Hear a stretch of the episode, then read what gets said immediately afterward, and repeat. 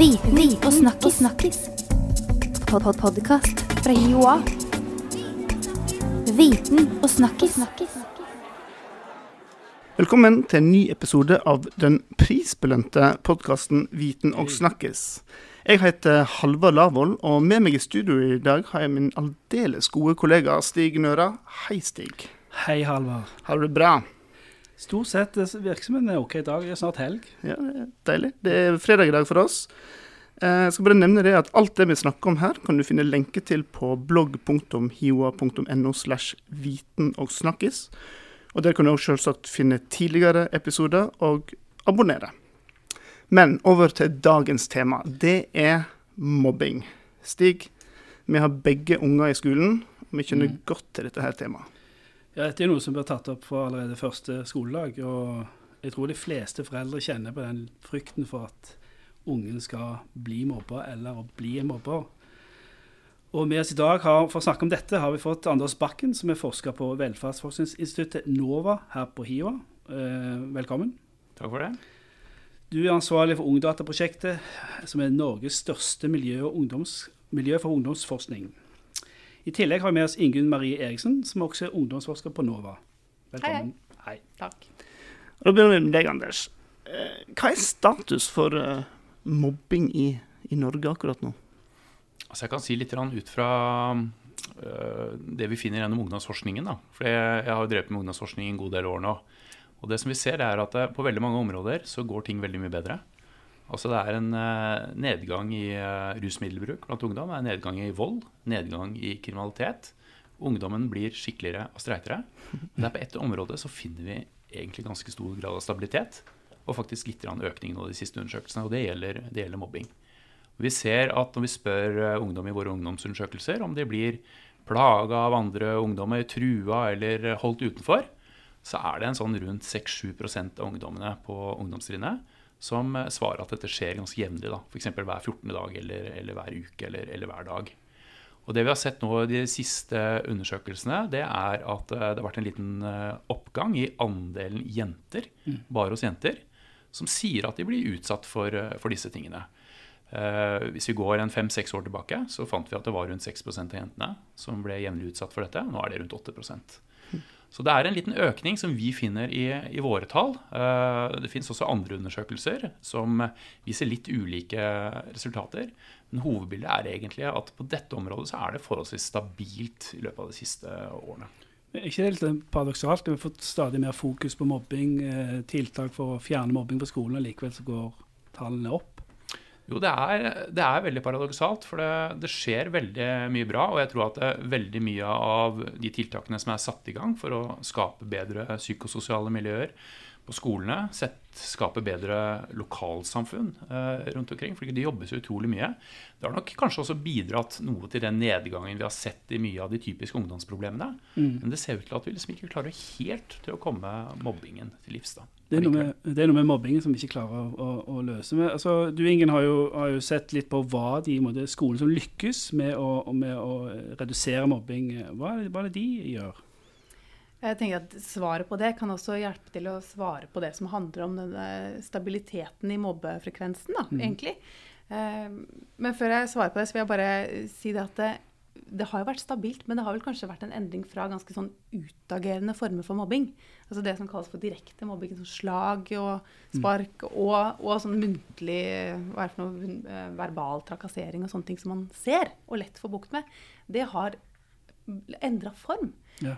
Til dels, da. Stemmer ikke det, Anders? Det er blitt mer indirekte, og ikke minst så ser de mer sånn type innagerende atferd. Men av mobbing så er det mer type skjult mobbing. ikke sant? Ja. Sånn at ja, det har vært stabilt, men samtidig så er det jo en helt åpenbar endring der. Som, som er ganske En interessant. ny, en ny form for mobbing? Altså, ikke en ny form for mobbing, men den er tydeligere nå.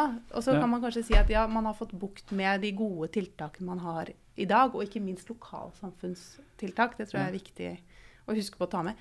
Men det det får bukt med, er nok de der, spesielt de direkte formene for, for utagerende atferd, og mobbing som en av dem. Den klassiske mobbesituasjonen? Liksom, Den klassiske ja, som en av de informantene jeg og Anders snakka med, Det, han, han brukte ordet NRK-mobbing. Det NRK, var så ok. bra sitat. Og med det så mente han liksom en gjeng Ja, gutter som står og sparker en stakkars eh, liten gutt som ligger i midten. Riktig. Ja. Sånn skjer og På den skolen Ja. Eh, så skje, skjedde ikke det lenger, fortalte de, men det skjedde tidligere. Og, og det var én av 20 skoler som vi besøkte, som, som, som, som selv sa at de hadde fått bukt med mobbing stort sett, takket være ting de selv gjorde. Så vi besøkte 20 skoler som alle hadde redusert mobbing, og som hadde veldig gode tiltak. Så vi dro dit da for å høre hva, hva gjør dere? Hva slags gode strategier bruker dere i skolemiljøarbeidet? Og det som jeg tenker at kanskje for, kan forklare den stabiliteten da, som Anders beskrev i stad altså Grunnen til at ikke vi har fått bukt med all den mobbingen, det har kanskje med å gjøre med at tiltakene er kjempebra. De får bukt med masse, men de, det er en del igjen.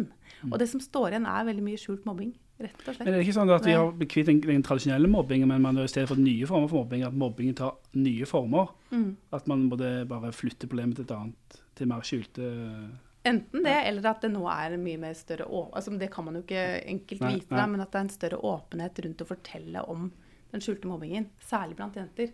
Og det er jo en hypotese som er Og det er kjempeinteressant, det kjønnsaspektet der. ikke sant? Ja. Fordi det er jo, det er, jeg tror da at det er lettere for jenter å, å si at de har blitt utsatt for den type Ja, altså, riktig. Ja. det som ofte kalles for bitching, eller Mm. utestengelse, eh, baksnakking og, og um, ekskludering er Men- det siste. Ja. Men hvorfor er det enklere for, eh, for jenter, tror du? Nei, det, det har jeg en teori om. Og jeg tror at for jenter så er den derre der, eh, Det som lærerne kalte for jentegreier, det Ja. de var veldig bevisst på, ikke fikk bukt med, de strevde med så mye, for det kom opp igjen og opp igjen. ikke sant? Vi, vi har tenkt at det er en litt sånn type litt sånn feminin skript. Det er liksom sånn man skal være jente. da. I hvert fall på noen av de skolene som vi var på. Så, så brukte de veldig ofte, de elevene brukte veldig ofte begrepet å være kjent. Eller kjent, som de sa. Og det, det stussa jeg litt på, for de var jo ikke kjente på en så veldig positiv måte. De var ofte så var det litt sånn eh, Hva heter det for noe? Mer beriktet, da. Men det å bare være en del av den greia, det er jo en sånn kulturell greie. ikke sant? Bare tenk bekjennelseskultur Ja, og de ja. derre Paradise Hotel og Ja. hele den derre reality, stem ut, stem inn. Det å være med i det der skolens store drama, og så ha et publikum som er alle medelevene, lærerne, og så være kjendis, liksom. Ja. Det, og pluss at det bekrefter en sånn type jenteform for vennskap. Altså baksiden av jenteformen for vennskap er litt å være med i sånn drama, tror jeg da. Det er vår, det er vår eh, bare litt sånn eh, arbeidshypotese, at det kan være noe med det. Mens gutter Det vi oppdaget til vår store overraskelse, er at gutter i altså, kvantitativ forskning, når man teller og spør på den måten som Anders sa i stad altså Har du opplevd å bli utestengt? Ja, sant, så, så mange ganger i det siste. Har du opplevd å blitt baksnakka, eller at det har blitt spredt rykter om deg? Det er jo de tre tingene som ofte telles som den skjulte mobbingen. Altså, hvis det skjer, så har du blitt mobba. Og litt flere kriterier, da. Og det Olveus bl.a. fant, var at det er gutter som svarer at de oftest har blitt utestengt etc., og at de oftest gjør det. Oftere enn jenter. Og det strider jo mot alt man skulle tro. Og Ja. alt det som lærerne fortalte oss. For de snakka jo bare om disse jentegreiene. ikke sant?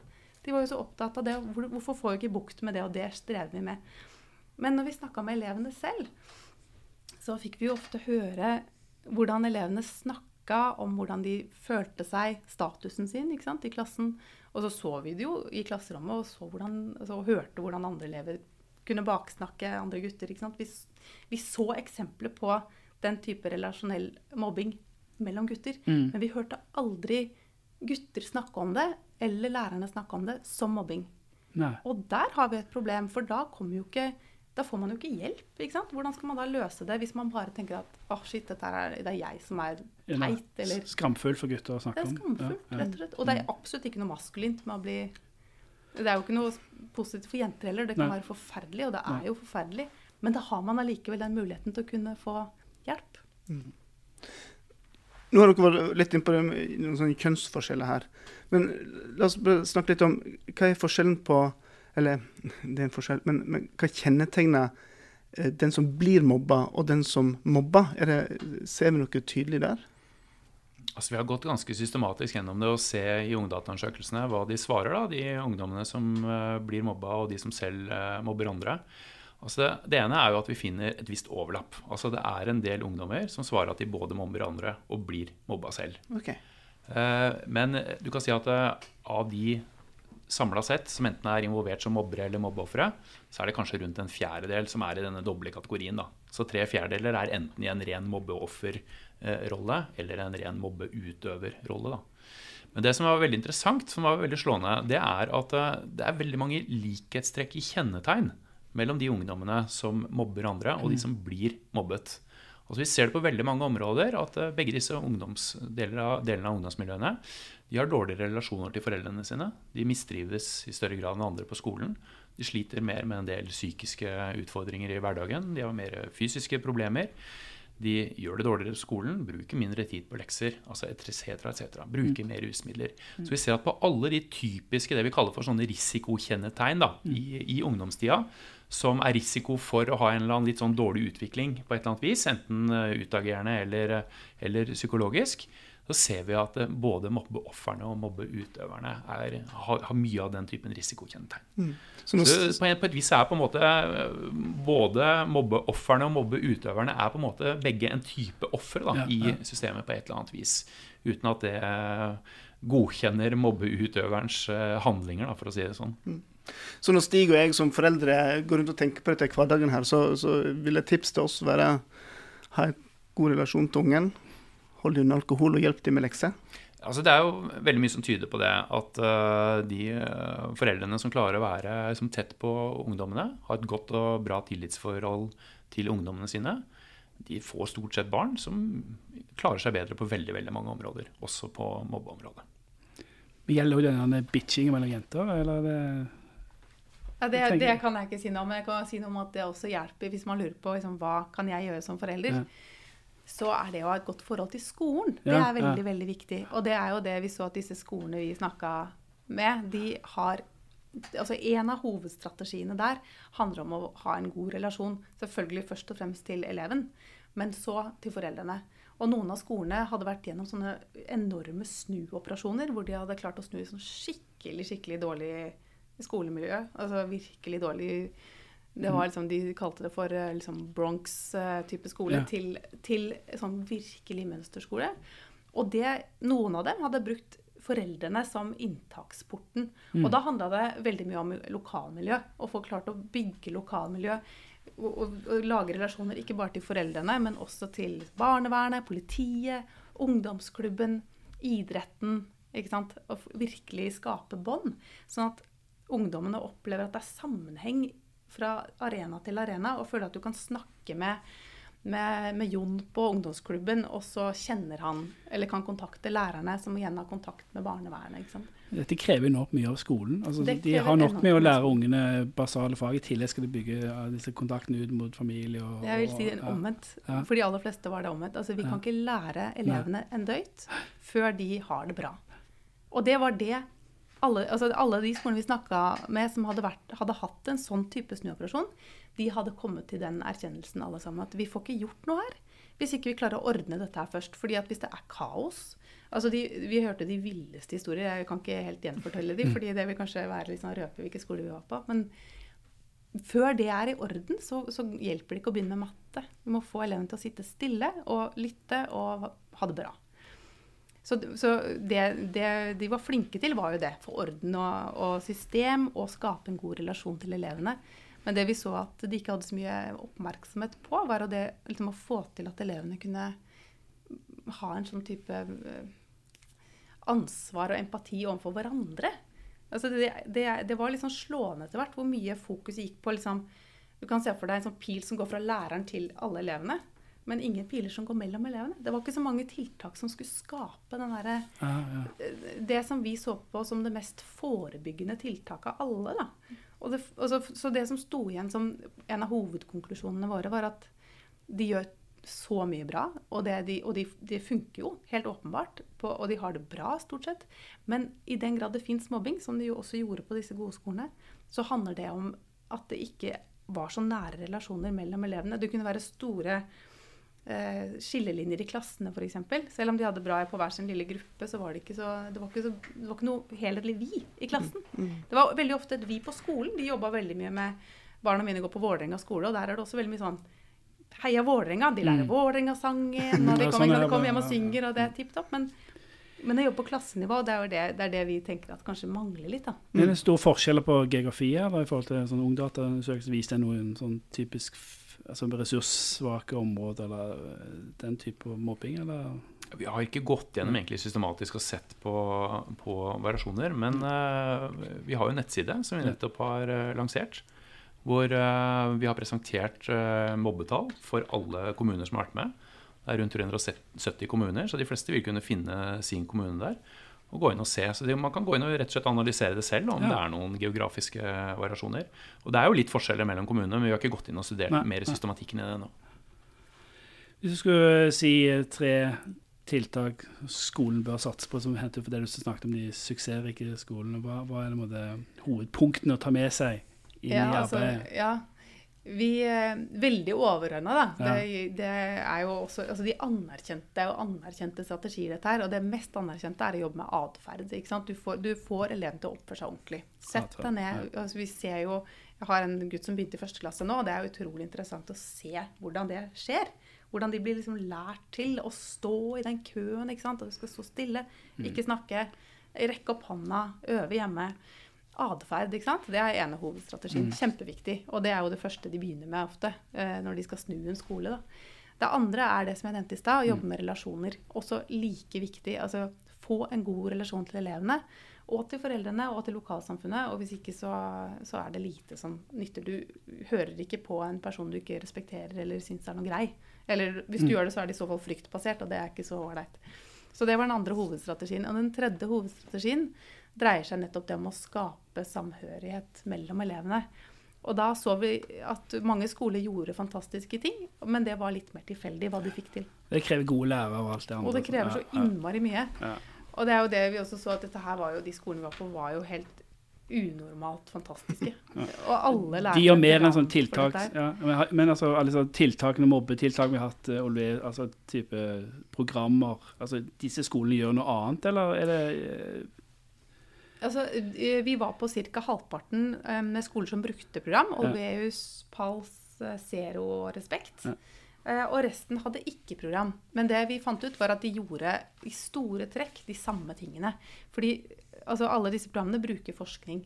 Eh, Det er så veldig Det er et viktig budskap at det er forskningsbasert. eh, Forskningsbasert. Ja. Men de gode skolene, som har disse fantastiske folka, ofte fantastiske rektorer også, veldig opplest på forskning. Og går direkte til kilden. Eller de bruker sånne ressurser som kommer inn sant, med forskning. Ja. Og det er jo den samme forskningen, så det er jo ikke noe rart at de ender opp med de samme type tiltakene. Og det syns jeg er ganske sånn interessant å se den der debatten som har pågått nå litt sånn i de siste åra med program eller ikke program, som er Ja. så steil Ja. og så polarisert. Men herregud, det er jo, det er jo det er ikke ett fett, men det er allikevel veldig mye av de samme tingene som går igjen. Så det vi fant i en annen rapport som vi har skrevet, er jo litt det at Men det er jo faktisk noen som faktisk trenger å ha det å støtte seg til, som ikke har eh, det som krever nødvendigvis akkurat der og da av ressurser til å gå og oppsøke den forskningen sjøl. Så kan de på en måte kjøpe seg den kunnskapen, så får de noe som er ferdigsydd. Og jeg Noe å støtte seg på. noe støtte seg ja. på. Og det, det kan være noen kjempestore fordeler med det òg. Det, det er ikke for alle, men noen trenger det faktisk. Og det, det, det syns jeg er et, en ting som er sånn glemt i den polariserte debatten som har vært. Kristen, er det med mobbing nå som kan si, ungdomskulturen er blitt veldig digital? Altså Vi bruker masse tid, og ungdommene bruker masse tid i f.eks. sosiale medier. Eh, Gjør dette noe med, med mobbing?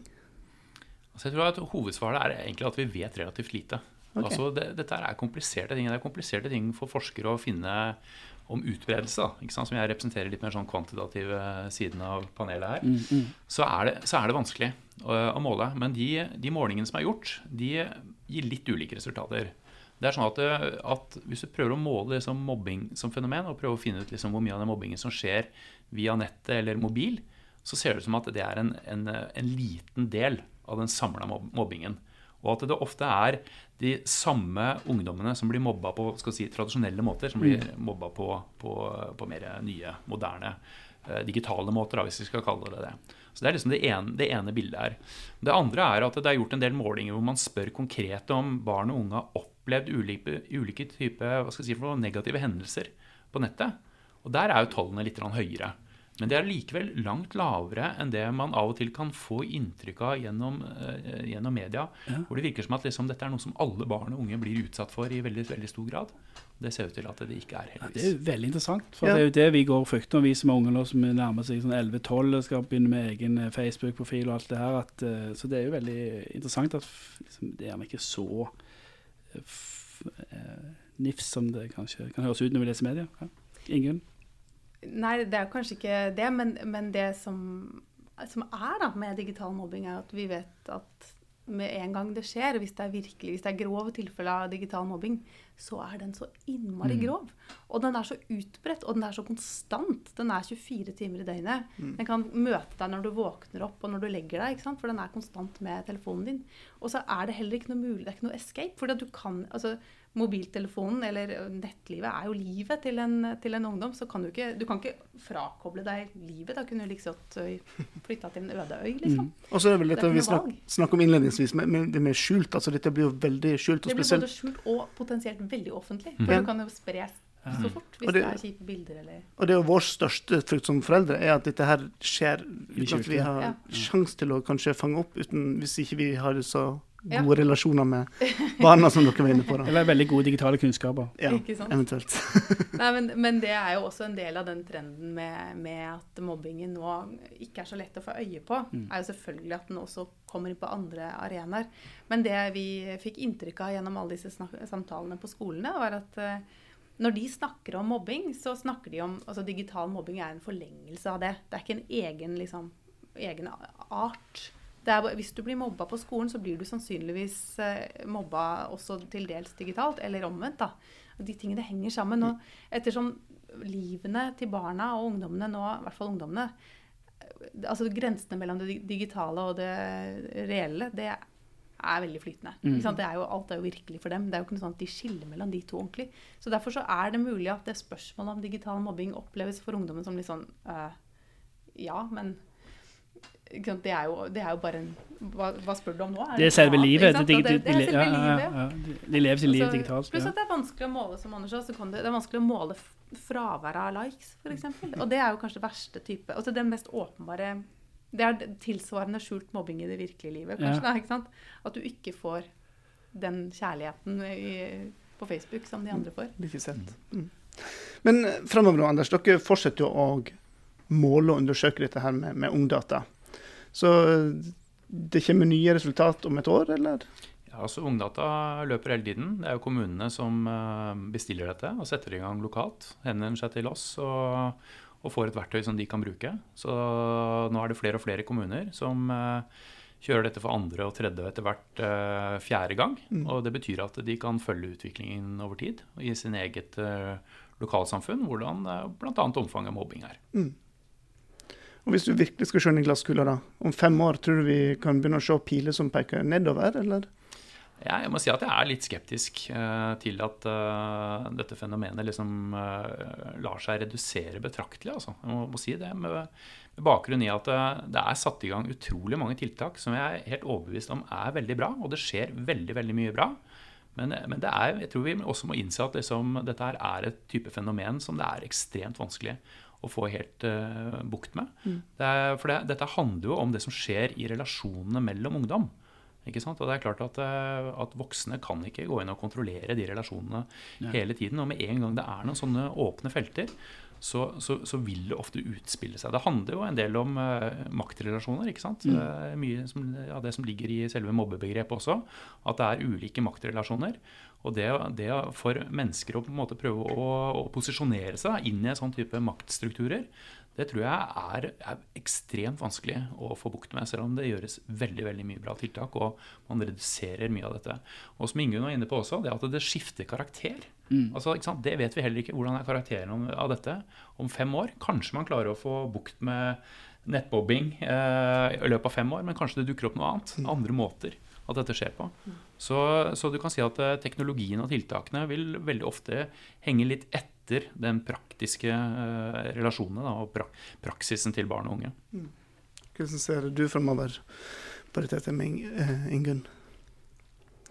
Nei, altså jeg, jeg tenker jo litt sånn som Anders at det, det er nok en til dels en naturlig del av relasjonen mellom mennesker. og det er jo et Men- voksne mobber jo òg. Ja. men, Hva sa du? Voksne mobber jo òg på arbeidsplassen, men de foreldre er ikke en et bedre forbilde her. Så det er jo ubredt i, i alle aldersgrupper. å Mm. Si. Ja, ja. Men, men eh, jeg tenker også at eh, jeg har jo også sett eksempler på skoler som forsøkte virkelig å gå direkte inn i den relasjonen. Altså, hva, hvordan skal elevene håndtere de mest elementære situasjonene for å ikke krenke hverandre? Mm. Og og de, de situasjonene som vi så Det var på en måte litt forstyrrende, det òg. Nesten litt sånn urovekkende. Hvor mye skal man kontrollere? Altså, det var- jo et eksempel hvor, hvor læreren nærmest ba barna om å spille skuespill.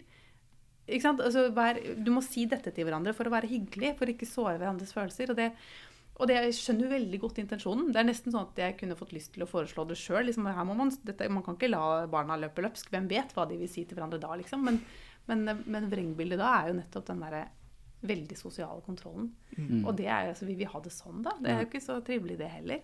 Og at det skal være opp til de voksne å definere barna og ungdommenes eh, naturlige atferd. Så vi må finne et slags, et slags eh, balansepunkt. Balanse. da. Ja. Ja. Det vi kanskje kan også prøve å finne ut mer av framover, da, det er hvordan begrense konsekvensene, altså de negative konsekvensene av mobbing. Mm. For at det kan jo være at selv om vi ikke klarer å få bukt med mobbingen, så kan det være at vi kan være enda flinkere til å begrense skadeomfanget når det først skjer.